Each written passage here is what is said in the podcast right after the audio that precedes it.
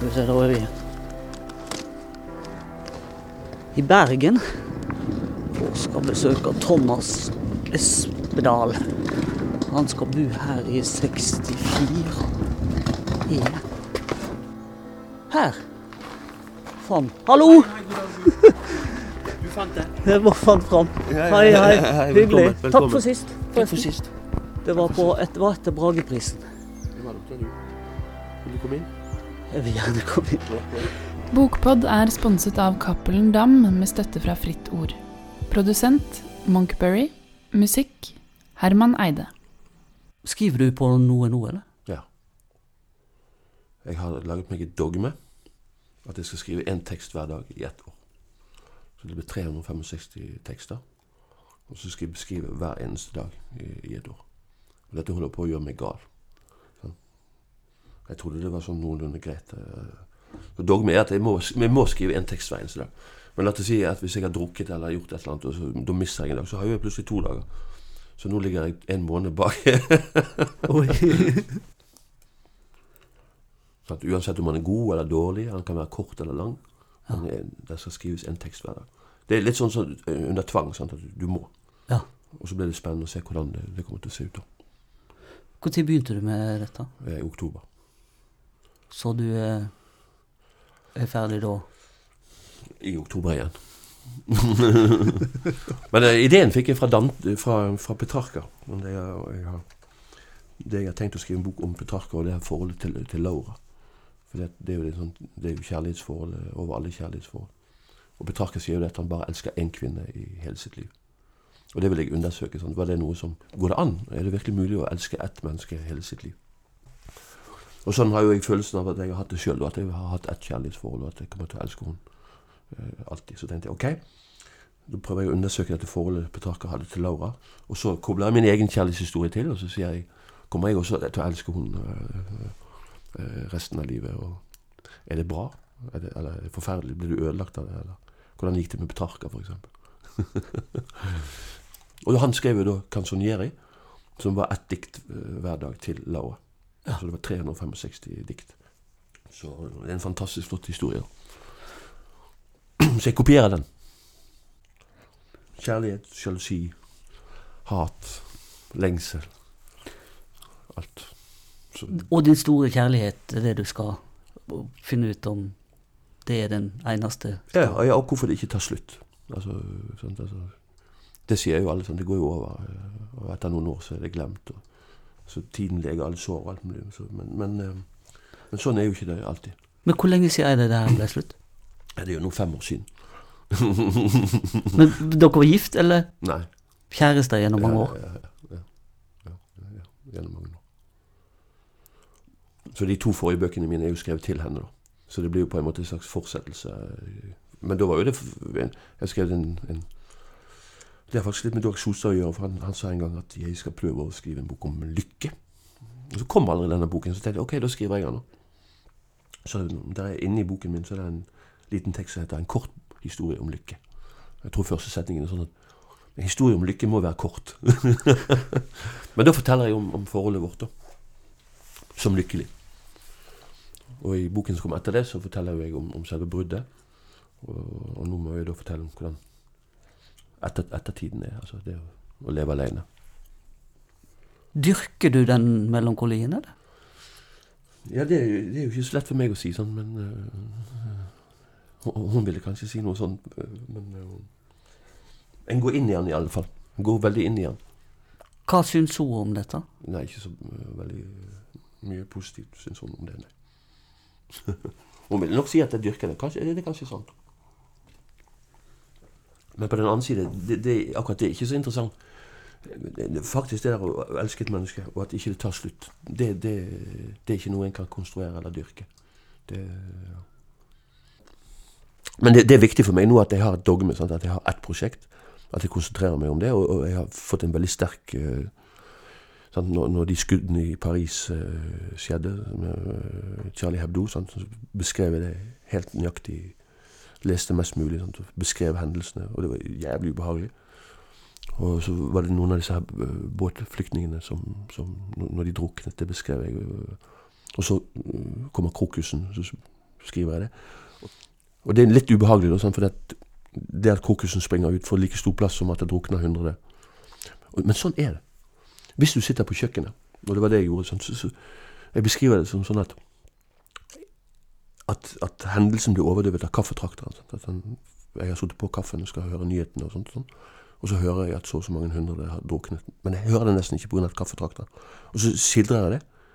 At lyden av kaffetrakteren overdøver disse hundre menneskene som, som drukner. Og sånn er jo det for, for oss som sitter her. Det er krokusen og blomsten og alt mulig som er nærmest. Skal du skrive like langt om hver dag, eller kan du Nei, så det, det er fritt. Så mye som jeg klarer hver dag. Mm. Så noen dager blir veldig lange, og noen dager blir kanskje bare en setning eller to. Det, det, det viktigste er at jeg skriver noe hver dag. Men hvis jeg skriver f.eks. i dag begynte det å snø, så skal det kunne holde. Ja. Det er nok. ja. Og det er mye. La oss ta rutinen din, skriverutinen. Ja, der har jeg det så, Der jeg, jeg, jeg holder på noe sånn å skrive om søvn. Altså, ja, det, det er faktisk det jeg har holdt på med de, siste ukene. At, eh, så nå prøver jeg å sove mest mulig, da. Og det er også en del av en sånn kjærlighetssorg. Sant? Altså, sånn at, du faktisk, at det er bedre å sove enn, enn, å være våken. Så jeg har holdt på med det. Så nå, nå kan jeg, nå, akkurat nå i denne perioden her nå, så kan jeg sove faktisk hele dagen. Og det er faktisk ufattelig deilig. Men nå våkner jeg, og så øh, har jeg en sånn teknikk at nei, du, du må sove videre. Og så, øh, da kan jeg kan sove til to, eller til tre, eller til fem kan jeg sove. Men, men jeg våkner jo hele tiden. Så drømmer jeg litt. Drømmer annerledes om de timene fra elleve, f.eks. Er helt annerledes enn en nattedrømmene, som du ofte ikke husker. Sånn. Du husker bare fragmenter. Men jeg husker alt som jeg drømmer om, øh, disse timene om uh, morgenen. Det er jo ikke alltid, alltid drømmene er så gode. Men i dag laget jeg faktisk en hel by. Sant? Det gjør jo man i Frankrike. Greni heter den. Sånn, det finnes ikke. Jeg operahus var der, og bibliotek og jernbanestasjonen. Klokkeslettet på jernbanestasjonen. Og jeg kjørte baklengs, rygget. Sånne ting opplever ikke du hvis du er våken. Nei, det er et underlig landskap, det der. Ja, det eh. er det. Jeg, jeg, har soverommet her oppe, ut mot sjøen. Så jeg åpner opp vinduet, og så er det de helvetes fuglene. Så ligger jeg og hører på de en stund. Så, så blåser det, og så kommer de av båtene. Og så hører jeg naboene, og av og til så elsker de det borti der. Sånn at alt det der får jeg med meg. For jeg ligger der oppe og sover. Men så når du har sovet da, og står opp i tre, fire, fem, Mm. så Må jeg spise. kan du kalle det Er det frokost da, eller er det Ja, det, det, det spiller ingen rolle. Du må jeg spise egg og, og, og ha et godt måltid. Og så er, er skrivingen min forbundet med å gå ned i kjelleren, sånn, for der ser jeg ingenting. Og det er også en ny situasjon for meg. Jeg har alltid sittet med, med vindu. Alltid beskrevet det jeg ser ute. Det har jeg gjort i bøkene mine. Sånn. Fuglene og postbudet og alt det som er ute. Men, mens nå ser jeg jo ingenting. Og det er jo også en annen. Det er litt det samme som å sove. Sant? Du må, du må begynne å tenke på en annen måte. Så da, når jeg går ned de trappene her, så får jeg det eh, som jeg har sagt, jeg får hjertebank. Det gjør jeg nesten alltid, for jeg gleder meg så jævlig til å skrive. Og så kommer jeg ned, og så tenner jeg da en røyk. Og det, jeg røyker ikke hele dagen, men, men når jeg begynner å skrive, så tar jeg en røyk, for jeg er så opphisset. Og så skal du falle til ro. Kroppen skal jo sitte. Så det lærte jeg faktisk av en annen forfatter. Da må du ta deg en røyk. Og det er helt riktig. Når, du har tatt en røyk, så detter kroppen helt sånn på plass. Og så mens jeg skriver, og hvis jeg da skriver noe godt, så må jeg ha en ny røyk. Så da røyker jeg utover, og da skriver jeg til, ja, til klokken tolv, eller noen ganger Hvis jeg skriver lenger til tolv, så får ikke jeg sove. Sant? Det har litt med rytme å gjøre. Så jeg prøver å avslutte sånn noenlunde før tolv. Men hvis jeg er voldsomt oppkavet og sånt, og skriver til ett eller to, det hender jo, så blir jeg liggende og tenke på det. Jeg skjønner det at du ikke får sove, fordi man. Man er i historien sin, Ja. og man spinner videre. Mm. Men hvordan kobler du ut etter klokka tolv? da? Nei, da, da, da, må jeg bare slutte øh, øh, å jobbe, og så må jeg gå opp og, og tenke på noe annet. Selvfølgelig i helgene, det er en annen del av arbeidet, så bruker jeg alkohol. Det er jo den mest effektive måten å, å De fleste forfattere drikker jo ikke for, for å skrive, men for å slutte å, å skrive eller å tenke. Nei, det, er ikke, det er ikke alle som er klar over det. sånn, Men hvis det begynner å surre og gå, og du er inne i en veldig sånn intens, så er jo alkohol perfekt. Daglig må jeg ta en debatt med meg selv om hvorfor det er bedre å være edru enn full. Ja. ja. I går var jeg full, Og, og det, er jo, det er jo ti ganger bedre. eh. Men, men det som er, det, dette vet jo alle som drikker, at, at det som er problemet, det er jo å bli edru igjen. For da kommer jo hele regningen eh, på bordet. Og så er det en sånn nedadgående spiral, sånn, for en blir dårligere og dårligere til slutt, selvfølgelig. Men hvis en hadde klart å være full hele tiden, det har jeg mange ganger tenkt på, sant, så, så, så, hadde det, det hadde vært eh, det hadde vært å foretrekke, for det er så jæklig eh, fint. Du har det bedre da? Å ja, ja. Ja, ja. ja, ja. Kan du skrive når du drikker? Ja. Og da, da må jeg si en ting som er litt viktig vi, med arbeidsrutiner. For det, jeg jobber, begynner å jobbe mandag. La oss si vi, vi, vi velger mandag. da. Sånn, så står jeg opp, og så, så, forbereder jeg at jeg skal sitte om kvelden. Og det samme gjør jeg tirsdag, og det samme gjør jeg onsdag, og det samme gjør jeg torsdag. Og det samme gjør jeg fredag. Men med et unntak. At om fredagen vet jeg at jeg skal drikke om kvelden. Men jeg skal jobbe. Så jobber jeg og jobber jeg og jobber jeg. Akkurat sånn som jeg har gjort de andre dagene. Og så ser jeg klokken ni. Nå er det helg. Og så løper jeg opp, og så henter jeg vinflasken som er før blandet ut med vann. Det har jeg sluttet med. Så åpner jeg den, og det må være vin, og det må gå litt sakte. Og så røyker jeg en røyk, og så skal jeg fortsette å skrive. Men drikke. Drikker jeg en flaske, det tar litt over en time, og så åpner jeg en til. Og, det tar enda. og så skriver jeg selvfølgelig eh, helt verdiløse ting. Men jeg skriver. Og så blir jeg full, og så går jeg og legger meg, og, og så uh, gjør jeg det samme lørdag. Uh, våkner litt i bakrus, og så inn på Vinmonopolet, sykler inn, kjøper ny vin, og så setter jeg meg ned igjen, og så gjør jeg det samme om lørdag. Og så er søndagen da liksom, den dagen jeg skal komme meg igjen til, til, til mandag. Og dette er en fin, fin sånn øh, arbeidsrytme. da. Og det var en, det var en sånn ja, Går du ikke på kino eller, eller på teater, eller går ikke du ut, eller sånn. Men det tenkte jeg en gang. Det var en gang jeg skrev noe som var jævlig godt. Satt ned sånn, tenkte Tenk om jeg hadde vært på kino nå. Gått glipp av det? Så hadde jeg gått glipp av det. Så hvis noen for spør meg skal, vi- skal vi gå på kino, så sier jeg det, det kan jeg dessverre ikke. Det, det driver jeg ikke på med. Det, det har jeg Teater? Nei, det, det driver jeg heller ikke på med. Konserter? Nei, nei, nei, nei. Det eneste som kan få meg ut, altså alvorlig, det er hvis noen skal ut og drikke. Men eh, i når, hvordan kobler du over på noe annet? Nei, jeg må, jeg må enten lese litt, eller, eller bare tenke på noe annet. øh, Sånn før jeg faller til ro. Hører gjerne på radio, eller ja, Du skriver stort sett med penn.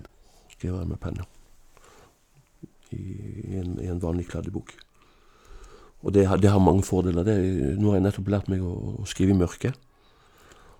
Det kaller jeg for rondateknikken, for jeg, jeg lærte det i, i ronda. Jeg satt og skrev i Spania, og så satt jeg ute på en balkong. Sånn. Jeg må jo røyke og, og av og til drikke det sånn når jeg skriver. Så ble det mørkt, og så tenkte jeg pokker at ikke det er sånn utelys på balkongen. Men, men øh, så tenkte jeg du får bare skrive i vei. Og det er faktisk noe av det mest frigjørende jeg har opplevd. For da, da ser jeg ikke det jeg skriver, og så forsvinner jo det nærmest i samme øyeblikk som du har skrevet det. Så, så jeg rablet av gårde i timevis i mørket. Og, og skrev på en, Noe av det beste jeg har skrevet, har jeg skrevet i mørket. Fordi du blir fri. Altså, jeg opplevde det som en frihet, sånn, det at jeg ikke så hva jeg skrev. Og så om morgenen så måtte jeg da tyde det. Sånn, hva, hva det Ja, det var vel en utfordring. Ja, ja, ja. Men jeg visste sånn noenlunde og, og kunne lese det. Men det var, det var I, i den Bergenas, den siste boken som jeg har skrevet, så er vel halv, siste halvdel skrevet i mørket. Og det, det er noe av det beste jeg har skrevet. Men hva er fordelen med å skrive med penn? Eksempel det jeg nettopp sa, at du, at du kan skrive i mørket. Eller du har penn med deg på et tog, eller du kan skrive på fly, eller du sånn. Altså, det er jo det som er fordelen med penn. Jeg, det, dette er et stort spørsmål, og jeg, på et tidspunkt så gikk jeg opp til min eh, foreleser på universitetet, Erling Odland, og så eh, spurte jeg hva tror du teknikken har å si for, for tenkningen? Og da fikk jeg en sånn forelesning. Ja, du vet at eh, filosofien begynte jo som dialog. Sokrates gikk rundt og spurte. Så tenkningen var en samtaleform. Helt til Descartes setter seg ned og begynner å meditere. Så blir det en sånn indre tanke. Og så kommer det skriftlige, altså den skriftlige filosoferingen. Altså, så kan du følge det opp igjen, og så kommer boktrykkekunsten, og så kommer computeren. Og alt dette påvirker jo eh, skriften og tenkningen. Men po positivt eller negativt? Nei, det kunne ikke han si, for det, det vet jo en ikke. Bare, det, men det er annerledes. Det er annerledes å skrive på en computer. Og for mange er jo det en kjempefordel. Sant? Fordi de føler seg fri på, på computeren. Men så er det også de som har problemer. Sant? For så dukker det opp en melding på e-post, og så er det Facebook. Og det er det som, som du skal sitte veldig, En stor del av arbeidet er å sitte og vente.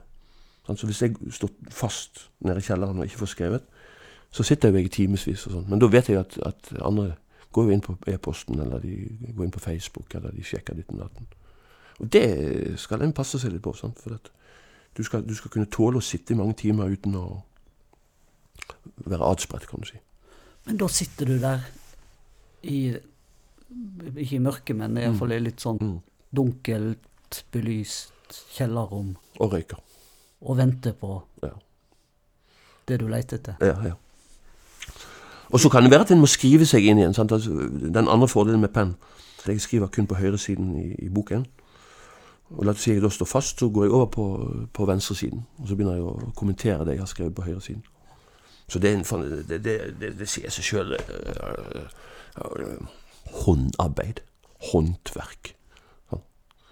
Tenke, du tenker du, du, En maler. Penselstrøket. Sånn, altså, et bilde oppstår sånn, av håndens bevegelser. Og, og, sånn er skriving for meg også. Det, det, uh, håndens bevegelser? Ja, ja. Faktisk.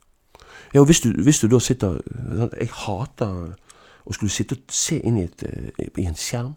Jeg har jo prøvd det når jeg skriver meldinger. og sånn. Du, du, du, knyter deg, og så sitter du og glor inn i det der. Og det skal du liksom gjøre i mange, åtte timer hver dag. eller noe sånt. Så det, jeg har tenkt en, grundig gjennom det. Altså. Så elsker jo jeg lyden av skrivemaskin. Og det er, jo, det er, jo, min industri og min produksjon. Det er at jeg trykker bokstaver på et uh, hvitt ark. Jeg ser jo de blir trykt. Og når jeg da ser at jeg trykker setninger, så tenker jeg jeg, jeg er jo arbeid. Og det er lyden av mekanikk. sant? Det er jo som å jobbe i et verft eller et eller annet. Du skriver på maskin flere ganger. Ja. Forandrer teksten seg mellom hver gang? Ja. ja. Og det har jeg kalt organisk skriving, sant? fordi at uh, Hvis du på computeren uh, Jeg har jo selvfølgelig skrevet tekst på computer, og du skriver en feil, så, så bare Akkurat som en kirurg. Du bare går inn og opererer bort den setningen. Mm. Og det, det ser jeg, jeg kan se når en bok er skrevet på data. Altså andre skriver på data. Og det er sånn Å ja, men det, det, det, avsnittet var ikke godt nok, så da tar vi det vekk. Og så, å ja. så Hvis jeg har skrevet en dårlig setning, så gidder jeg ikke skrive den fire ganger. Så du oppdager fjerde gangen at den setningen er faktisk ikke god nok. Fordi du har skrevet den fire ganger. Og så er det det, vet du, hvis du hele tiden skriver nytt, så oppstår det plutselig noe nytt i tillegg. Sant? Det kan være at, at neste gang jeg skriver det, så blir det, tar det en helt annen retning. Det er jo veldig arbeidskrevende. Det er det. Og Derfor går det forholdsvis sakte. Sant? og Bøkene mine er ikke så tjukke lenger. Mm. Men blir du ikke lei teksten? Nei, nei, nei. nei, nei. Jeg blir aldri lei språk. Nei, nei, nei. Nei, nei, nei. nei. nei, nei, nei. Så du skreller og skreller ja, og skreller ja. inntil kjernen? Ja, hele tiden. Så når jeg skriver fort, og du hører skrivemaskinen nede, så skal du høre noen Da er det fabrikkarbeiderens sønn som er på jobb. er det touch, eller er det Bruker du Nei, jeg slår med fingrene. Så jeg har ikke min, min, mor var sekretær da. Det er en av grunnene til at jeg begynte å skrive. Det var at min mor ga meg De skulle kaste de gamle maskinene på arbeidsplassen hennes. Og så hadde ikke hun hjerte til å hives inn, og så fikk jeg den. Og da var vel jeg 14 når jeg fikk den og satt oppe på rommet her og brukte den som leketøy. Han satt ark, ark i, og så satt jeg og trykket. Og så går det jo noen år, sånn, så, så skjønner jeg at, at det er mitt instrument. Akkurat som du oppdager piano, sant? eller fløyte eller bass, eller hva faen du oppdager. Så var den skrivemaskinen på en måte min, og lyden. Og, og så begynte jeg, skrev min første roman da jeg var 16 år, på, på den. Oppå der. Du flytta hit da du var 15? Ja. Og før det bodde du Rett borti en blokk her borte. Ja. Skytterveien. I høyblokken der. Og din far han jobber på Trengereide? Trengereidfabrikk ja. Tekstilfabrikk. Produserer strikker og Ja, duker og seler og bånd og lisser. Skolissefabrikk. Mm. Han, han, var i administrasjonen, men han var også det han var kjent for og elsket for, var at han ofte sto på gulvet med, med, disse kvinnene. Det var jo nesten bare kvinner bak maskinen. Så han var ofte i produksjonshallen. Og jeg fikk jo jobb der da jeg var 15, for å rengjøre maskinene. Og da bestemte meg for at jeg skal aldri, aldri, aldri noensinne jobbe. Altså det, ja. Da hadde min bestefar slitt seg ut, og min far var i ferd med å slite seg ut. Og jeg lå under der og skjønte hva, hvorfor de var utslitt. Og da, lovet jeg meg selv du skal aldri, aldri noensinne ha en jobb. og det har jeg klart. Det har jeg klart. Det er en av de største tingene. Jeg har aldri hatt en jobb. Det var pga. en fabrikk, eh, et par sommer på en fabrikk. Du har jo sagt at uh, du er arbeiderklasse, men du er jo Ja. egentlig ikke det, da. Hvis din far var mer funksjonær. Nei, det, det kan, du kan si eh, Han var jo arbeidergutt og klarte å, å, å jobbe seg opp. Og min mor var sekretær, og så Ja, du kan, du kan si eh, Vi bodde i en blokk, og eh, eh, Jeg tenkte alltid på oss som, som eh, arbeider. Og arbeiderklasse har jeg alltid tenkt. Var dere mange, eller? Nei, jeg var førstemann, og så har jeg en søster. Men iallfall så måtte da min bestemor eh, slutte i jobben sin for å passe meg. Så jeg vokste opp med henne, da. Og, det har vokst opp med sin bestemor. Sant? Det var mitt første kjærlighetsforhold. Jeg tror det er den første setningen nå i boken min, at min første kjæreste var 53 år. Sånn, da jeg eh, noen måneder, eh, tre måneder når min mor går tilbake inn i, jobb. Ingen amming, ingen sånn tulleting. Det har ikke tid til de her kvinnene den gangen. Og så bare plasserer du deg hos denne gamle, vakre, nydelige damen. Den vakreste damen jeg noen gang. Og jeg forelsker meg med henne, og jeg får være med henne helt til jeg begynner på skolen. Og så sender de meg av gårde på skolen, hvilket er den største forbrytelsen noen kan gjøre i hele verden. Og jeg ante ikke andre barn. Og jeg havnet i en sånn her klasse med bare banditter. Så jeg husker første skoledag så fant jeg ut det er bare én ting å gjøre. Det er å bli syk. og da, var det da jeg meg eh, det der å bli syk. At å bli sengeliggende og ligge hjemme. Og det tror jeg også er en av grunnene til at en faktisk begynner å skrive sånn, for du, du ligger der og, og Du er ikke syk, men, men, men, men du tror du er det! Og du klarer å overbevise, du får feber og alt mulig. Og så ligger han og fantaserer og tenker og, og, og Allerede med bestemora di så skal du ut av normaliteten. For- Tror det, fordi jeg slapp det der barnehagehelvetet. Men det der å bli sendt på skolen, ja, det var det, det, var det um. Men da gikk min far ned på, på skolen, og så sa han det at eh, jeg kunne ikke gå i den klassen som jeg hadde havnet i. Og den klassen Hvordan hadde det gått med de i ettertid? Ja, det tenker jeg alltid. Men han ble iallfall tatt ut av den klassen. Og så ble jeg satt inn i en klasse med folk fra Biskopshavn og Utenhagen og Helleneset og Eikeviken. og det er jo alle de rikeste i hele Bruvik og Jepsen og Lossius Jeg husker hva de heter. alle. Så de gikk jeg i klasse med. Men det betydde jo jeg kunne jo aldri ta de med hjem til meg. Det gikk jo ikke. De hadde jo fått sjokk, og, og, og ikke fikk de lov heller. De fikk ikke lov å gå opp der. Og den første jenten som jeg da forelska meg i Når hun da går hjem og, til foreldrene og sier at, at hun er blitt kjæreste med meg, så får hun bare beskjed det slutter du ut med en gang. Så hun kom opp til meg så sa hun det. Du vet, Tobias, jeg, jeg liker deg veldig godt, men jeg får ikke lov av pappa og mamma å, å treffe deg. de samme menneskene, nå når jeg er blitt forfatter, når de hilser på meg, så skryter jeg. «Ja, Så fint.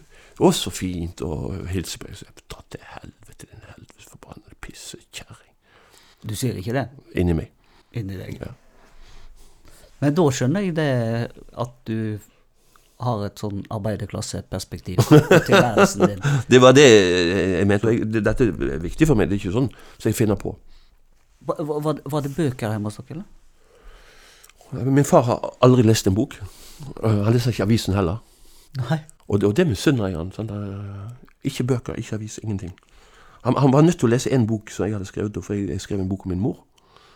Og den eh, kavde han seg gjennom i tilfelle det ble krig, som han sa. I tilfelle det ble bråk rundt boka. ja, ja, ja, ja, tilfelle min mor eh, skulle finne på å lese den. Og min mor hadde litt bøker. altså det, det, eh, På morssiden så Min morfar hadde litt bøker, og min, min mor hadde en sånn bokklubbmedlemskap. Så jeg, jeg leste, jeg er jo vokst opp med sånn kvinnelitteratur. Ja, og det er jeg glad for. Ja. Men, eh, men så var det dette biblioteket, da. Det, det tror jeg gjelder for mange. Det er vel der den seriøse eh, lesingen begynner, når en får tilgang til, til biblioteket. Var det en spesiell begivenhet som førte til at du bestemte deg for å bli forfatter? Nei, for det, det, var- ikke Det var egentlig mer sånn at det var masse ting jeg bestemte meg for å ikke bli. Så var jeg, hadde, var jeg litt uheldig. Jeg var skoleflink. Så jeg kom inn på Bergen katedralskole i en sånn her superklasse. Sånn jeg hadde biologi, kjemi, fysikk, matematikk. Jeg satt øh, med sånne lynende intelligente dyr, var de nærmest. Sånn, jeg har aldri sett sånne skapninger, verken før eller, eller siden. Sånne, sånne tjukke briller og krøller og bleik hud og så Plutselig gikk jeg i en klasse med bare sånne. Og, da, og jeg trodde jeg var flink på skolen. Men det skjønte jeg at eh, det kan du bare glemme. glemme det. Så det var det andre. Jeg- Da skjønte jeg at jeg må aldri ha noe med matematikk og fysikk og biologi, og det har ikke jeg kjangs. så sakte sånn, så meislet det seg ut, så var jeg flink til å skrive, og så hadde jeg en jævlig god norsklærer på, på Katten. Og, han kom en dag inn i, i klassen, så sa han Ja, vi, det er jo obligatorisk at vi skal lese et skjønnlitterært verk, og, og dere skal nå få lov til å velge mellom eh, Enten leser vi Tarjei Vesaas 'Fuglene', eller så skal vi lese Dag Solstad 25. septemberplassen. Og det kan vi ha avstemning over. Hvem vil lese 'Fuglene' av Tarjei Vesaas? Så var 27 så rakk du. Vi var, kanskje vi var 29 i klassen eller noe sånt. Ja, ja. Ja, ja. Men nei, jeg går vel ut ifra at de fleste av dere kommer til å lese 'Fuglene' av Terje Våses så vi skal lese Dag Solstad 25. septemberplassen. Hva stemte du på? Jeg, jeg, jeg tror ikke, jeg kan ikke huske det. Vi ble tvunget til å lese Dag Solstad. Det reddet meg. Den, den 25. septemberplassen, når jeg leste den som 18-åring, da skjønte jeg at eh, For det var arbeiderbakgrunnen, det var fabrikken, Saugbruksforeningen i, i Halden. Og når jeg kjente igjen alt. Og da skjønte jeg at jeg har en mulighet til å kunne bli, bli forfatter. Hvis jeg kan skrive sånn som Dag Solstad. Dette har jeg aldri turt å si til han, for det, det verste du kan si til en forfatter, er at han har betydd noe for deg. Sant? Ingen som liker å høre det. De liker, du liker ikke at, at noen skryter av å, du. Så det, dette har jeg eh, passet på å aldri si til han. For, eh, men han betydde faktisk alt. På grunn av eh, gjenkjennelse. Å ja, det går an å skrive om fabrikker. Ikke bare om rugde Ja, ja, i Telemark. Så det var vel egentlig en av, en av mange inngangsporter til, til at skrivingen ble seriøs. da. Hva var det første du hadde skrevet, sa du? Det var en, en roman. Da du var 15? Ja, for da hadde jeg, da hadde jeg uh, sett en film som het 'Døden uvendig'. Så jeg skrev en, en, en roman som het 'Døden uvendig'. Altså, jeg bare tok tittelen. som handlet om en ung mann og, som reiste til Italia og ville bli, eh, stikke av og, og ikke gå på skolen. Og, ja. Så den satt jeg og hamret ned når jeg, når jeg, fra jeg var 15 til 16. Fortalte du det til noen at du Nei, min mor skjønte det. Så jeg måtte faktisk eh, montere en sånn lås. Jeg, jeg kjøpte sånn som du henger på utedoen. Sånn, sånn, sånn, skrur inn en sånn greie. Og så en sånn hempe som du lå ned på. For min mor drev hele tiden og kom inn. At nå må du legge deg, eller eh, sånn og sånn. Så jeg bare tok den på. Den fungerte effektivt i mange Helt til min mor forlangte at min far skulle slå døren inn. Så hun visste at jeg skrev. Var de bekymra for deg, eller? Ja, for, for de ville jo at jeg skulle bli lege og advokat. Jeg var, jeg var jo flink på skolen. Og det var liksom Jeg hadde kommet inn i denne jævlig superklassen. Sant? Og da må du for faen eh, gjøre lekser og Så det- grunnen til at min mor løp inn og ut, var jo for å se at jeg gjorde det jeg skulle gjøre. Så de ble virkelig bekymret for meg. Selvfølgelig. Og det har også litt med den arbeidermentaliteten å gjøre. Sant? At du må bli noe bedre enn dine foreldre. Det er min far klart, og min mor i en viss forstand også. Og da må jo jeg eh, ta neste steg. Sant? Så det visste jeg. Sånn, lege, advokat, et eller annet sånt. øh, Det lå i, kortene. Så det strøk jeg selvfølgelig kjemperaskt ut. Det eliminerte jeg veldig fort. Og så øh, kommer jo det å slutte på denne øh, helvetes katedralskolen og komme seg inn på, på universitetet. Og da øh, klarte jeg å flytte til København. Hva fag var det, da? Ja, da hadde jeg eh, funnet ut med kunsthistorie. og da hadde jeg bestemt meg. Du har nå noen år på deg med det studielånet til å skrive denne eh, romanen. Og så satt du og skrev. Og så satt jeg og skrev. Og da, jeg brukte vel ja, jeg brukte vel nesten to år på, på, på det. Så boken ble tynnere og tynnere og bedre og bedre. Og den kom ut i 1989. Jeg bare fant en anmeldelse her av den boka. Mm. I VG. Ja vel? Jeg syns først det sto 'vakkert' på stram line. Men det står 'vakler' på stram line. Ja, den tror ikke jeg har sett. Terningkast to. Oi! Men du, det, det tror jeg er ganske nøyaktig. Terningkast to. Det, det hadde jeg vel sjøl trillet også, ja. Det var en krass kritikk. Ja vel. Jeg skjønner ikke at de kan gjøre sånn med debutanter. Jo, det, det, det Den, den fikk uh, altfor gode kritikker i noen aviser. Og det fikk bra Å oh, ja, ja, ja. ja, ja kanskje altfor gode eh, noen steder. For det var ikke noe sånn uh, eh, Ja, det var, det, var en, det var ikke noe sånn bemerkelsesverdig debut. Det var det ikke. Men det var en debut med masse energi.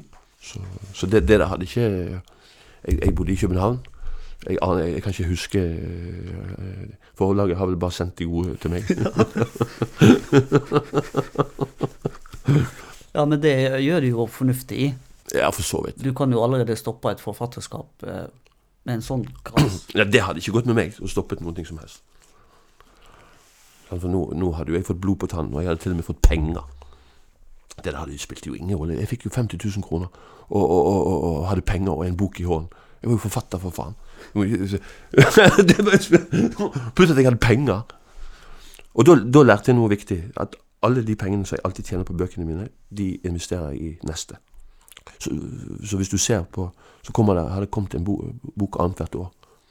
Så ble den andre litt bedre enn den første, og så ble den tredje litt bedre enn den andre. Og så tror jeg den første gode boken jeg skrev, var bok nummer fem. Og sånn er jo det for noen. Sant? At, Jeg klarte ikke å skrive en skikkelig god bok før, før den femte. Men den var god. Og så har de i en viss forstand blitt bedre og bedre. Det har de. Ja, for du har jo sagt det. Eh, bøkene jeg skriver, blir bedre, stadig bedre. Og det er min overbevisning at om 15-20 år, ja, så er jeg en av de store forfatterne. Ja, jeg, jeg, jeg husker jeg sa det. men, men eh, kanskje, kanskje mm, akkurat det der store forfatter eh, ikke så viktig lenger. Men, men, eh, men en vet jo hele tiden når en skriver hva gode bøker er. Og jeg visste utmerket godt på femte boken, det var den blond som jeg skrev om min mor. Da var jeg i berøring med noe. Det visste jeg. Altså, da, jeg, da hadde jeg ingen mu. Men heller ikke den var visste jeg ikke var god nok. Men, men, men sakte, men sikkert så, så mener jeg at jeg har klart å skrive noen bøker så, som har holdt det nivået som jeg sjøl ønsket. da. Men du har gått tettere og tettere på deg sjøl. Og det har vel litt med det å gjøre at, at jeg, jeg fikk fjernet hele det der romantullet. Fiksjonen. Ja, fiksjonen, ja. Som, som etter hvert ble helt uinteressant. Og fremdeles egentlig er det øh, for meg. For det er hundrevis av sånne bøker med en eller annen tredjeperson som våkner og sovner og heter et eller annet. Så, ja. hvis det, selvfølgelig, hvis det er Dostojevskij eller Marcel Proust eller Virginia Woolf eller noe sånt, så, så går det. For det, det, det er jo romankunst. men, men hvor mange i dag er det som skriver romaner? Romanen er i sitt øh, utgangspunkt en eksperimentell form, en utforskning av, av litteratur. Helt fra Tristram Shandy og oppover så har romanen vært vanskelig, eksperimenterende, undersøkende. Sånn. Det er ingen som skriver nesten romaner i, i dag. Så, så mm, Ja. Og så, for mitt eget vedkommende, så Fordi at jeg leste så mye lyrikk, og der står jo det 'jeg'. Og så opplevde jeg det som en enorm frihet. Sånn. Var ingen som spør en lyriker var det du som gikk nedover gaten og skjøt han ja. Altså, Diktet er jo på en måte helt fritt. Så det tok jeg fra lyrikken. Så det jeg er jo selvfølgelig ikke meg. altså Det, det, det, det, er mer et litterært eh, jeg. Som på en måte eh, blir trukket ut og utvidet så til de grader at det nesten blir en tredjeperson for meg. Det jeg blir, nærmer seg tre personer. Så dette øh, tok det noen år før kritikerne forsto, for dette selvbiografiske liksom, Det er jo du. Men det er jo vanskelig å skille imellom, da. Ja da. For handlinga ligger jo veldig tett opp til ditt eget liv. Ja da. Men hvis jeg, hvis jeg treffer noe, fordi at det har øh, paralleller med mitt eget liv, sant, med oppvekst og alt mulig, og språket får en eller annen kraft, da er det litteratur. Da er det helt uinteressant hvis noen kommer Var det du? Gjorde du det? Var det din far? Var det din mor? Hadde du din elsker... Sånn.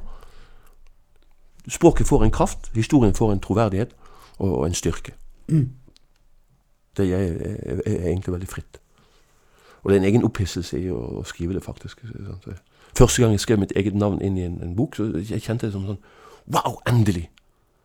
Alt er til, altså. Du kler deg veldig naken i bøkene dine. Gjør deg sårbar. Ja, kanskje. Det er, vanskelig, sånn, for det, det er jo noe sårbart i det òg. Det er jo klart. Det sier jo seg sjøl. Jeg, jeg kan ikke sitte her og si at ikke det har fått konsekvenser for meg at jeg har skrevet sånn som jeg For det har det faktisk. Du har jo sagt det en gang, at det er tolv ting du må kunne som forfatter. Meteorologi. Biologi. For, men du må begrunne. Nei, du må kunne alt om blomster. Du må kunne beskrive naturen. Du må kunne botanikk. Så Norges planter her, Knut Fegi. Så du, du må lære deg om trær, og, og, selvfølgelig om fugler. Og. Knut Ferge, det er han botanikkprofessoren. Han ble jeg jo kjent med. Han er jo en av mine yndlingsforfattere. Har du lest hva han skriver om løvetann? Nei. Det er altfor mange av de. ja, men der har du alle altså, eh, Fegri sier jo det der med norsk litteratur at vi, vi kan alt Wergeland, bortsett fra Wergeland. Han har skrevet en bok om Wergeland og blomstene. Hvis du leser Shakespeare Han har vel at, Shakespeare var jo bot botaniker av dimensjoner. Det var Wergeland òg. Så det må en kunne. Ok, meteorologi. Så gikk jeg på forelesninger på meteorologi. Det er klart du bor i Bergen og alt mulig. Hvis, hvis du skal finne liksom en grunn til at du skal bo her, prøv å finne én grunn til at, at et normalt menneske skal holde ut her, så må du begynne å studere meteorologi. Det, sånn, når du sitter her og er deprimert og alt mulig, så sier jeg, ja, men da, hva, er det, hva er det denne byen er mest kjent for? Og, og hvor de har en viss kompetanse. Og hvor det er iallfall noen kloke hoder. Det er på Meteorologisk institutt. Lærte enormt mye på Meteorologisk eh, institutt. Som du har bruk for i bøkene. da. Av og til. Alle årstidene har sine temperaturer og vindretninger og havstrømmer og skyer. Og sånt.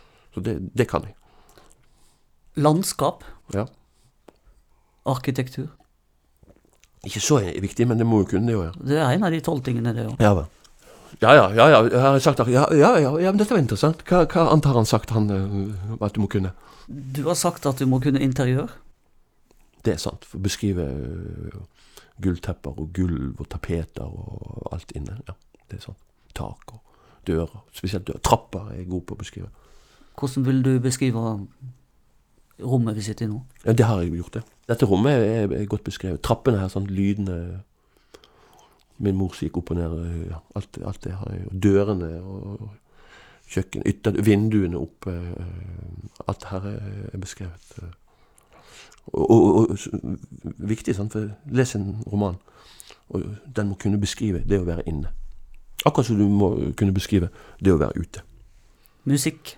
Trenger, ja, Sa jeg noe musikk? Mm. Må, ja, ja, du må vel gjerne det. det. Dette er ikke så viktig.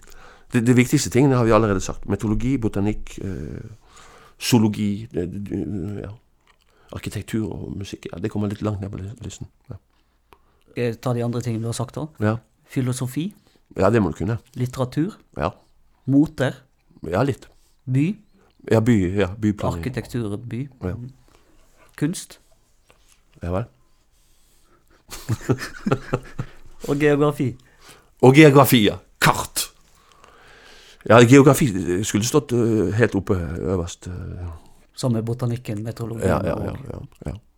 ja der har, jeg tror det er det du må kunne for å bli forfatter. Hvis du kan alle de tingene, så er det ikke så viktig om du kan skrive. Nei, men altså, En del av et sånt type arbeid er jo at du hele tiden må studere. Og det er et alvor. Du, kan- du kan liksom ikke Nå er du liksom utlært eller ferdig eller Å lese. Og, og hele tiden lese god litteratur. Jeg, jeg kan ikke Jeg har vel sagt forfattere leser ikke bøker. De studerer de. Når jeg leser Peter Hanke, så kan det ta meg to år. Det tok meg to år å lese mitt år i Ingenmannsbukten. For jeg måtte ned på setningsnivå, så skrev jeg av en del setninger. Sånn, hvorfor? Hva er magien hos Hanke? Hva er hemmeligheten? Hva er håndverket? Så den boken har jeg lest om igjen, om igjen, om igjen. Jeg husker Britt Jensen sa til meg en gang jeg, jeg leser tre bøker om dagen. Dette er jo helt idiot. Herregud, hva er det du sitter og sier til meg? At du er en idiot? Du må ikke drive og lese tre bøker om dagen, din torsk. Det du sitter og sier til meg, er det verste jeg har hørt. Men selvfølgelig, han, han, han, han skulle jo ikke bli forfatter. Han skulle, men folk som leser bøker, og det har jeg sagt, de leser altfor mye bøker. De leser fordi for fort, og så leser de for dårlige bøker. Hvis du åpner, og så så, så her eh, listen over mestselgende skjønnlitteratur Hvis jeg leser det, begynner jeg bare å grine. Hva er det folk leser? Mye krim, da. Krim! Og også sånne her Du kan jo se på de navnene. Jojo Moyes, eller hva det heter. Eh, så jeg, noen ganger har jeg sagt at, at, eh, at du må være streng med leserne. Jeg har fått mye pepper for det, men, men, men du, du kan ikke godta liksom, Ja, men lesen din, du må tenke på lesen din, Thomas. Ja vel. Hva, hva bøker blir det ut av det, da?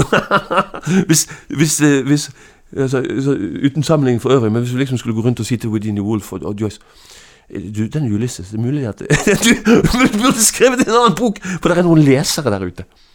Hvis det kravet hadde blitt stilt til norsk litteratur, at, med det med leserne, så de driver masse på meg hele tiden, så, bare, så kan du bare si legg ned hele driten. Sånn er det. For folk leser dessverre eh, de feile bøkene.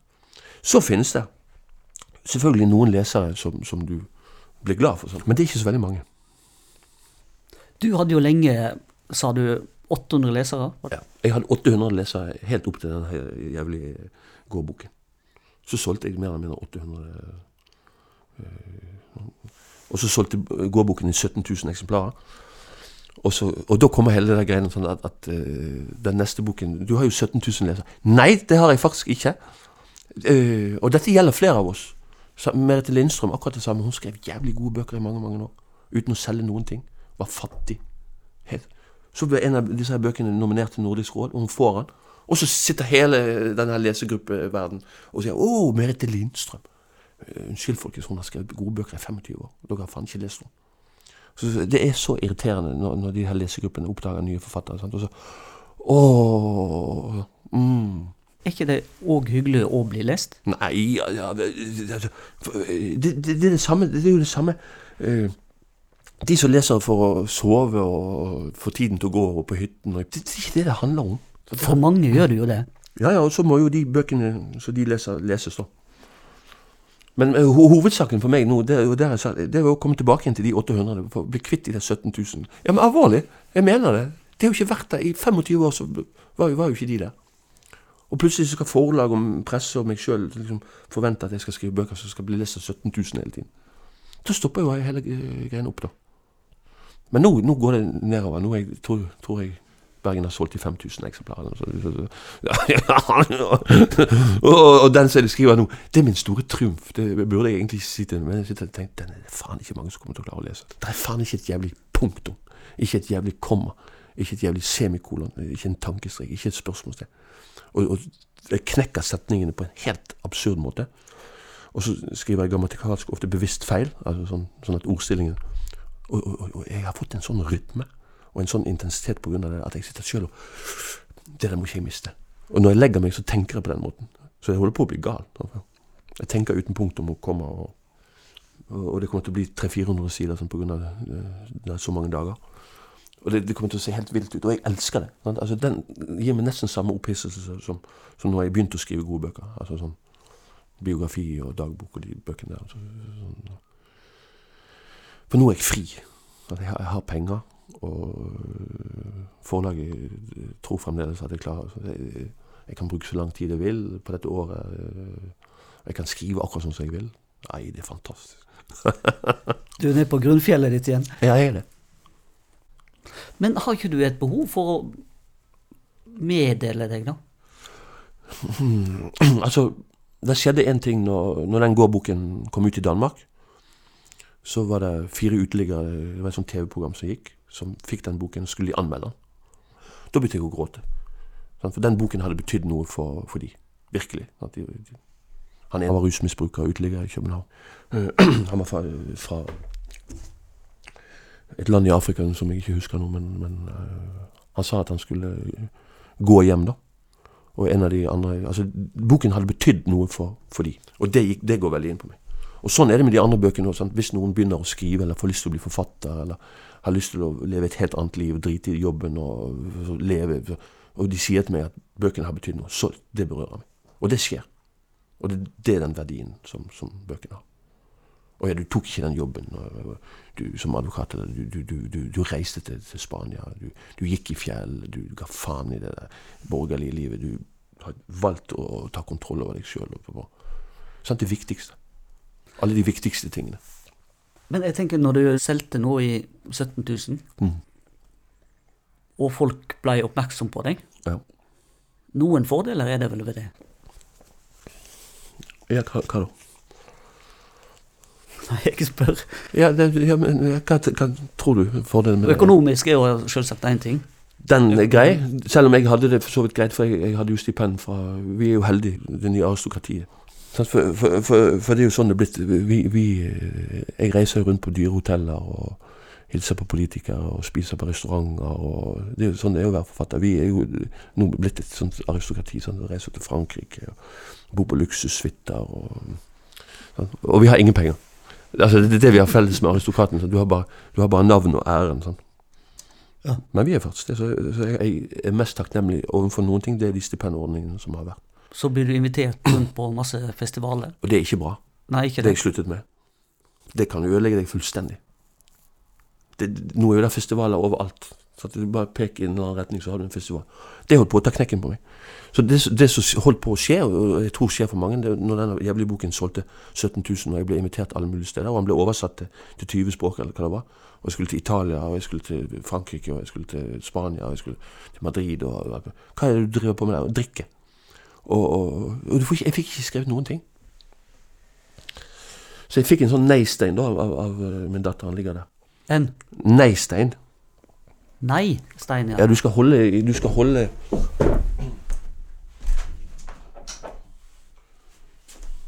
Du skal holde i den eh, Sånn at noen ringer for eksempel og spør eh, Vil du vil du lese opp på Lillehammer? Eh, Vi har et tema det er eh, Boss. Vi, skal snakke om boss. Litt det her søppel. Da har jeg holdt i den, og så sier jeg eh, tusen takk for, for invitasjonen, men, men nei takk, jeg, jeg, jeg, jeg kan dessverre ikke. da fikk jeg min datter, for jeg skulle lære meg å si nei. Jeg tror det er sølv i den, og noe sulfid. Veldig fin stein. Ja, jeg, jeg prøver nå å- Fordi at det er et alvor i dette. Sant? Der er festivaler hele tiden overalt. Og, og en, en periode så kom jeg inn på en sånn tulleliste fordi jeg hadde sagt det der med kulturmennesker. Så de drev og ringte fra Dagsnytt 18, og gud vet hvor de ringer. Og da skjønte jeg og jeg står på en eller annen sånn liste fordi jeg sier alle mulige sånn tulleting. Så det måtte jeg komme meg ut av. Altså rett og slett komme seg ut av uh, offentligheten. Det var Litteraturhuset i Bergen, Ja, ja. og du mente at eh, Ja, hva mente du egentlig? at, at uh, hvis de først skulle lage et litteraturhus her, så måtte de ta hensyn til det litterære miljøet som var her. Begynne med det. Og så eh, ta inn over seg at det finnes et skrivekunstakademi og et universitet og noen studenter. Istedenfor å begynne med oh, disse leserne! Så, og, og, så, så, som jeg da kalte kulturmennesker. Så jeg skrev en ganske fin artikkel om at du må ikke bygge et hus uh, ovenfra og ned. Du må bygge det nedenfra og opp. Såpass har jeg lært. Og de som er nedenfra, det er forfatterne. Begynn med de, og så spør hva de vil og hvordan de vil ha det. Og så gå, det, det skjedde jo aldri. Sant? Forfatter det var bare noe som skulle hente inn, og så skulle de stå der og, og lese noe greier og hente inn noen penger. Og, og studentene og alt det her, de glemte de. Sant? Det er jo for dyrt, det er jo ingen som har råd til å sitte der. Ja, ok, Så skrev vi dette her med det kulturmennesker. Og så sitter det en eller annen idiot oppi eh, et eller annet forlag, det heter Anders Heger, så skriver han Jeg vet hvem disse kulturmenneskene er, det er jo kvinner i 40-50-årsalderen. Det er jo lesen din det, Thomas, sa han til meg på radio. Så måtte jeg si det er jo de for faen ikke. Mine lesere er, er homoseksuelle, og de, de er uteliggere, og, og de, kjønn, alle mulige slags kjønn. Det er ikke kvinner i 40-50 års. De leser vel også, men han har liksom definert det. Og så var det han her eh, andre i Aftenposten, han, han kalte de kulturkjerringer. Og så klarte de å tilbakeføre det til den artikkelen jeg hadde skrevet om, om litteraturhuset. Og så masse sånn, jeg, Min mor var feminist, hun som jeg var gift med, var feminist. Og, masse av disse her eh, menneskene nå, de, de, de, de skrev artikler og alt mulig. Jeg, har aldri, aldri snakket noe om noen kvinner og kvinnelige lesere. Jeg, har- jeg har ikke sagt et pip om det. Men det hadde de klart. Det er offentligheten. da. Plutselig så er du fanget. Så hvis jeg setter meg ned ved bordet, bord, så sier de som sitter der, sier Vi er jo sånne kulturkjerringer. Vil du virkelig sitte med oss? Og når, de ber meg signere bøker og sånn, og sitter på Nordli eller et eller annet Tronsmo, så kommer det alltid bort noen sånne damer og sier Vil du skrive eh, eh, navnet ditt i boken til en kulturkjerring? Vær så snill, du må ikke omtale deg sjøl som noe sånt. Ja, men du har jo sagt det, har, nei, det, det, den, det, det har jeg ikke. Så bare men så, eh, bare for å avslutte dette, for, det er faktisk ganske morsomt, så er det en professor nede på Handelshøyskolen her, Ingeborg Kleppa, hun sa til meg at hun hadde lest det, og så sa hun hvis du i media blir oppfattet for å ha sagt noe galt og, ubehagelig, så skal du si noe som er enda verre. Nettopp. Ja, det, det kan de nede på Handelshøyskolen. Så tenkte jeg ok, det var, det var Ingeborg, takk for det. Så skulle jeg til Stavanger, og så skulle jeg intervjues da av NRK. Så kommer vi opp, så er det direktesending på NRK. Lokalradio riktignok, men allikevel. setter jeg meg ned i stolen, og så sier han ja, Thomas Espeland, hvordan er det å være i Stavanger? Jo, det er en av de beste litteraturfestivalene som Terje lager nede på Sting. Og, ja. og så snakket vi om det vi skulle.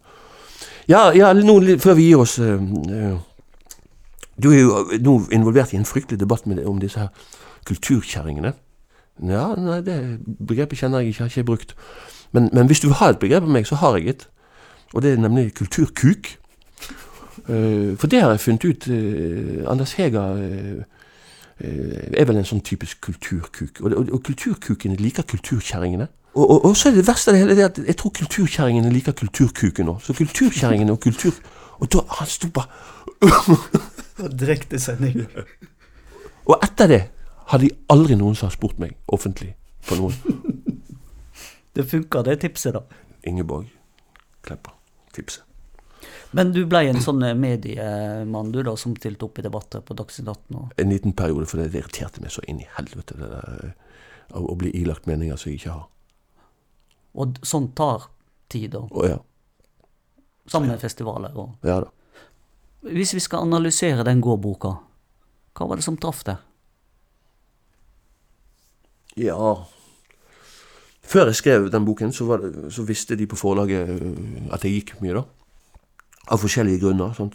Så, så begynte jeg å gå lengre og lengre turer, og mer og mer i fjellet. Og... I dress. Ja da, ja da. ja da, ja da. Hva, Hvorfor det? Det var jo fordi at I begynnelsen når jeg gikk i fjellet, så var det så Hvorfor går alle i fjellet i de her samme eh, Gore-Tex? eh, Det så så ufattelig kjedelig ut. Det er Og så begynte jeg, og så begynte jeg Jo, men hør nå her. Og så begynte jeg å lese om loffere og sigøynere og alt. Og de går jo i de beste klærne sine, for de skulle jo arbeide. Sånn. Gå fra gård til gård og alt mulig. Og så tenkte jeg, hvis du går langt nok i Norge, så kommer du før eller siden til en by. Eller til en gård. Og da la jeg merke til de andre når, når de så at jeg kom i den dressen, at, at det var en sånn ekstra ting. Da. Det ble en ekstra ting så, som, som gledet meg. Spesielt ja, når vi gikk i Norge, vi gikk i Lofoten, og vi gikk Nord-Norge og alt mulig. Du banket på, sant? du skulle ha vann, eller du spurte meg, Og de så at, at, at det står en mann i dress. Så, så, så, så minnet de om ja, De hadde jo sett tatere. De husket jo taterne og, og loffene. Sånn. Som gikk rundt sånn på den måten. Så det var en slags forfengelighet, rett og slett? Som Så ble en glede. Og så er det selvfølgelig noe av de gøyeste tingene når, når vi hadde besteget topper og sånt. Jeg husker vi var oppe på Jostedalsbreen og hadde lagt oss inn i den her turisthytten. Og, og vi hadde båret opp øl, og vi lå der og, og, og, og øh, Vi røykte vel ute, men, men vi lå iallfall i dresser. Og, og de neste som kom og skulle sove i hytten, sånn, når de åpnet døren, så bare wow! Der ligger det to mannfolk i dress og drikker øl inne i, sant? Du, du, oppe i 1800 meter. Du går alltid med han kompisen din, Narve, Eller alene. Men, men helst med han, da. som du har kjent eh, egentlig i alle år. Ja. Jamgamle, eller? ja. Men han, det er vel han som har lært meg mest om det å gå, for han er mye mer naturmenneske enn en, en meg. Så når vi begynte å gå sammen, som kanskje det er 20 år siden, så lærte jeg Altså det å lære å gå, for, for eksempel Går vi veldig sjelden etter kart, da, hvis vi går. Så jeg gikk enormt mye feil. Han, han, jeg må alltid gå først. Og han sier ikke nødvendigvis noe hvis, hvis jeg ikke går veldig feil. Og så går vi, så sier jeg ja, nå gikk jeg feil. Ja, det gjorde du. Og så må vi gå tilbake igjen. Og, og da gjør ikke du det så mange ganger. Så du må være oppmerksom. Det å gå tilbake, det er jo det verste. Det er så jævlig. Så du lærer å skjerpe deg. sant? Du, du, du ser det. Her går det faktisk en sti. Du må hele tiden følge den, og den har en naturlig passasje gjennom dette landskapet. sant? Så han, han lærte meg å gå i en viss forstand. Altså sånn, virkelig. Og så har vi krysset flere land sammen, og, og nå kan jeg klare det alene. Sånn, Så, så, så, på, grunn av alle de årene med, med han. Men jeg liker best at vi er to. Det, sånn er det. Hva var det med boka som traff? Ja, det var det, ja. ja, ja så sier de på forlaget til meg at eh, siden du går så mye, Thomas, hadde det ikke vært en god idé å si en bok om det å gå? Så sier jeg jo det er en god idé.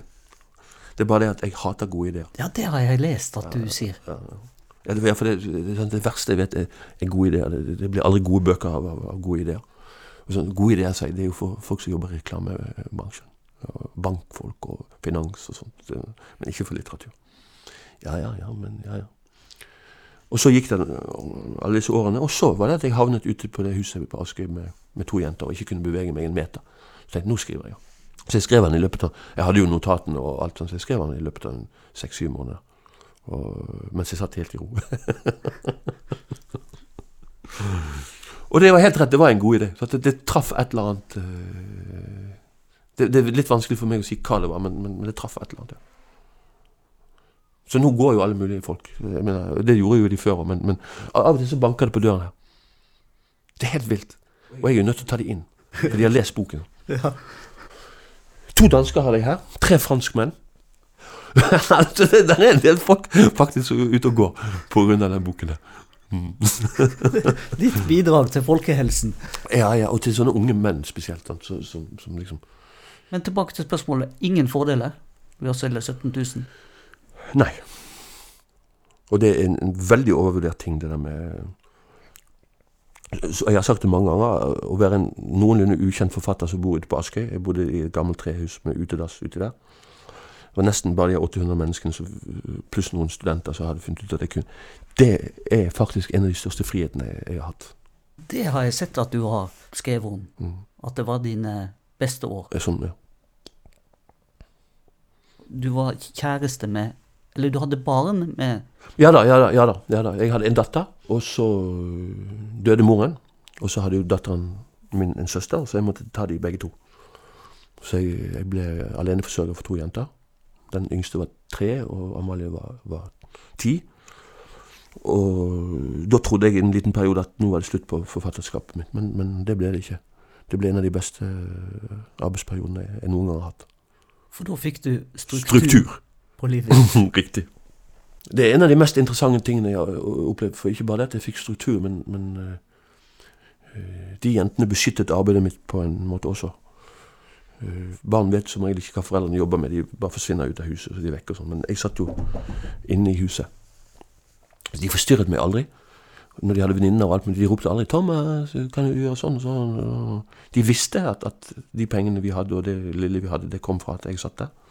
Så de beskyttet meg i de årene. Det er jo noe av det vakreste en, en kan se. Sant? at barnet faktisk forstår eh, en, en, livssituasjon.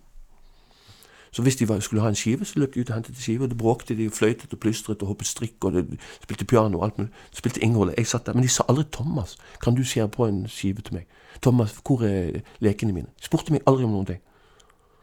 Og så når jeg var ferdig å arbeide, så kunne jeg gå opp og så, så, se de hoppe strikk, eller vi lekte sammen. eller og det var en veldig produktiv periode for deg? Ja, virkelig.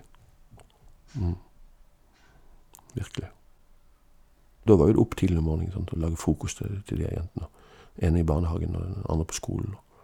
Og så jobbet intenst noen timer. Sant, og Mens de var på skole og, og i barnehagen? Ja.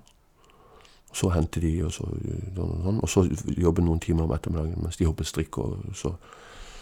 Skal vi se her. Bli større oppfordret Ja. forfatteren Thomas Espedal i et intervju i sommer. Ja, ja. Bli større som menneske. Dette tenker jeg på i kveld når vi går over i et nytt år.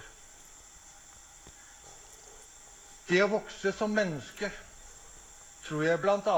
handler om å tørre å ta Det der var jo nyttårsaften. Og akkurat når, når han holdt den talen, så lå jeg ned på gulvet. Dritings. Det å stå ved våre valg og Ja, meninger Det var forferdelig. Og så begynte telefonen min å ringe.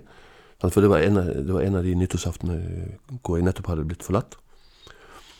Så jeg, jeg, jeg hadde bare kjøpt masse alkohol. Og så hadde jeg satt på Schubert vinterreise. Og så havnet jeg på gulvet. Så jeg lå, jeg lå på gulvet. Så ringte telefonen. Og så var det noe sånn helvete den telefonen ringte. Og så, ja, så krøp jeg bort, og så ser jeg det var datteren min og min far og alle mulige. Og så uh, klarte det liksom ja, ja, 'Kongen har nevnt deg på, på TV.' 'Nei, så fin', sa jeg. så krøp jeg opp her, kom jeg ut, og så liksom, husker jeg klarte å åpne den der eh, verandadøren. Så tenkte jeg, ja, det er jo, det er jo nyttårsaften, og kongen har hotellet, så jeg får prøve å se på fyrverkeri. Så jeg lå i døråpningen her og så på, på rakettene. Etterpå, når jeg hørte hva han sa, 'bli større' jeg, var, Den kvelden var det ingen mindre mennesker i verden enn en, en meg. Jeg var krympet ned til en sånn eksistensminimum. eh, Så, så, så det var faktisk veldig rørende når, når jeg etterpå fikk, fikk hørt hva han sa. I 2010, dette. Ja, det var vel da jeg var nettopp blitt forlatt. Mm.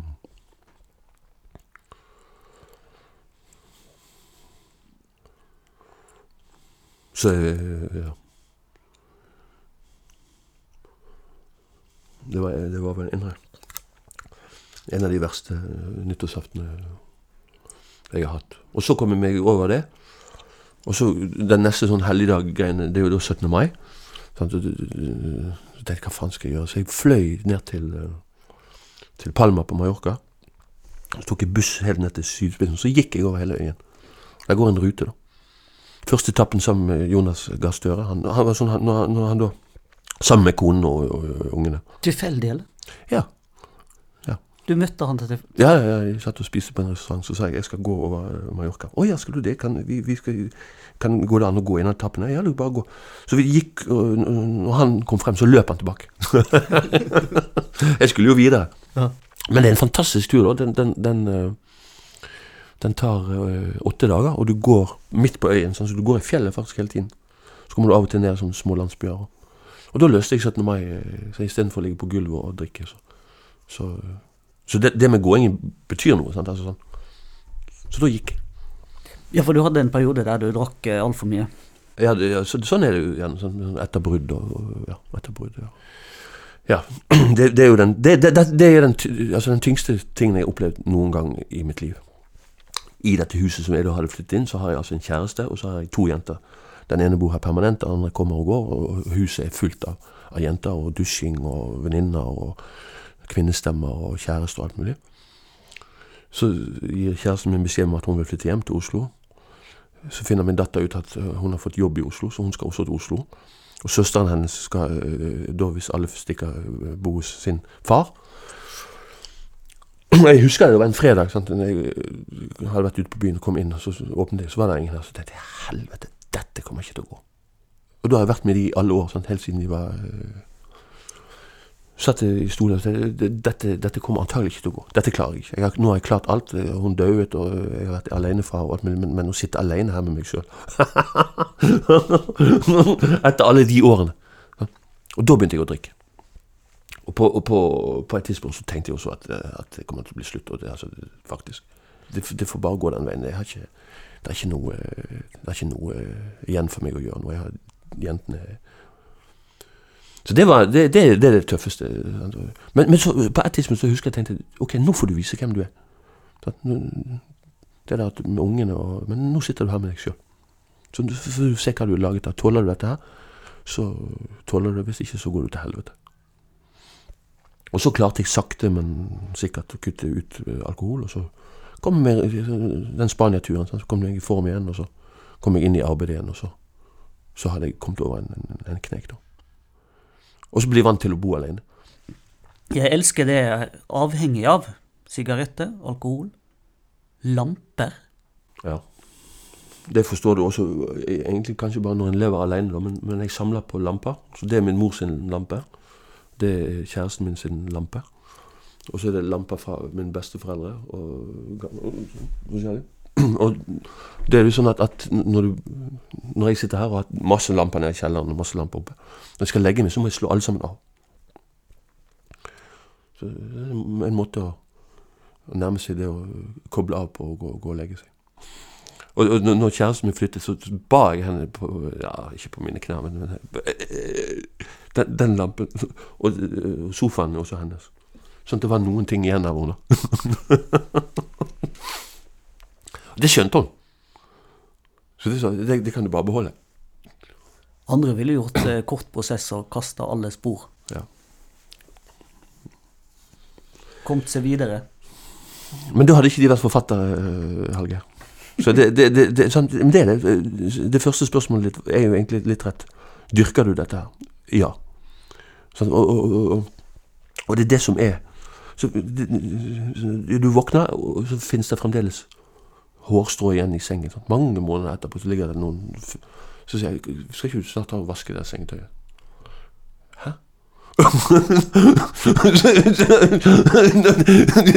er du helt gal? Og så hang det, så hang det enkelte klær, sånn, så, sånn at lukten fremdeles var her. Parfyme. som da jeg gikk ut og skulle hente jakken min, så kjente jeg lukten Du burde kanskje henge den jakken vekk. Nei. Og, og, og så, hvis du da gjør Jeg trakk jo dette inn i teksten også, sant? og så, i en viss forstand så er jo hun da her fremdeles. Men ikke på en god måte. Men det er, det er, når, når du undersøker det, så er det en del av kjærligheten er sånn. Syk. Sykelig.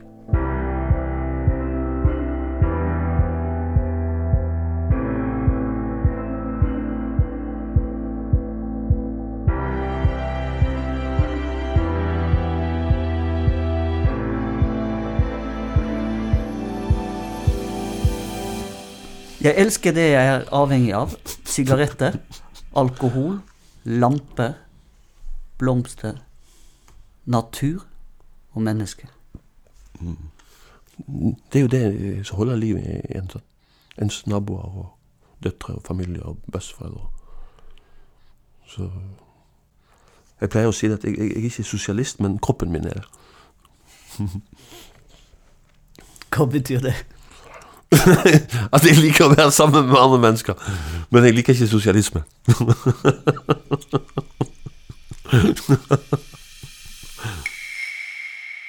Og i neste uke, da kommer sjølveste Karin Fossum. Vi hørs. Jeg tar det aldri som en selvfølge at jeg skal våkne dagen etter. Det hender at folk ikke gjør det. Ikke sant?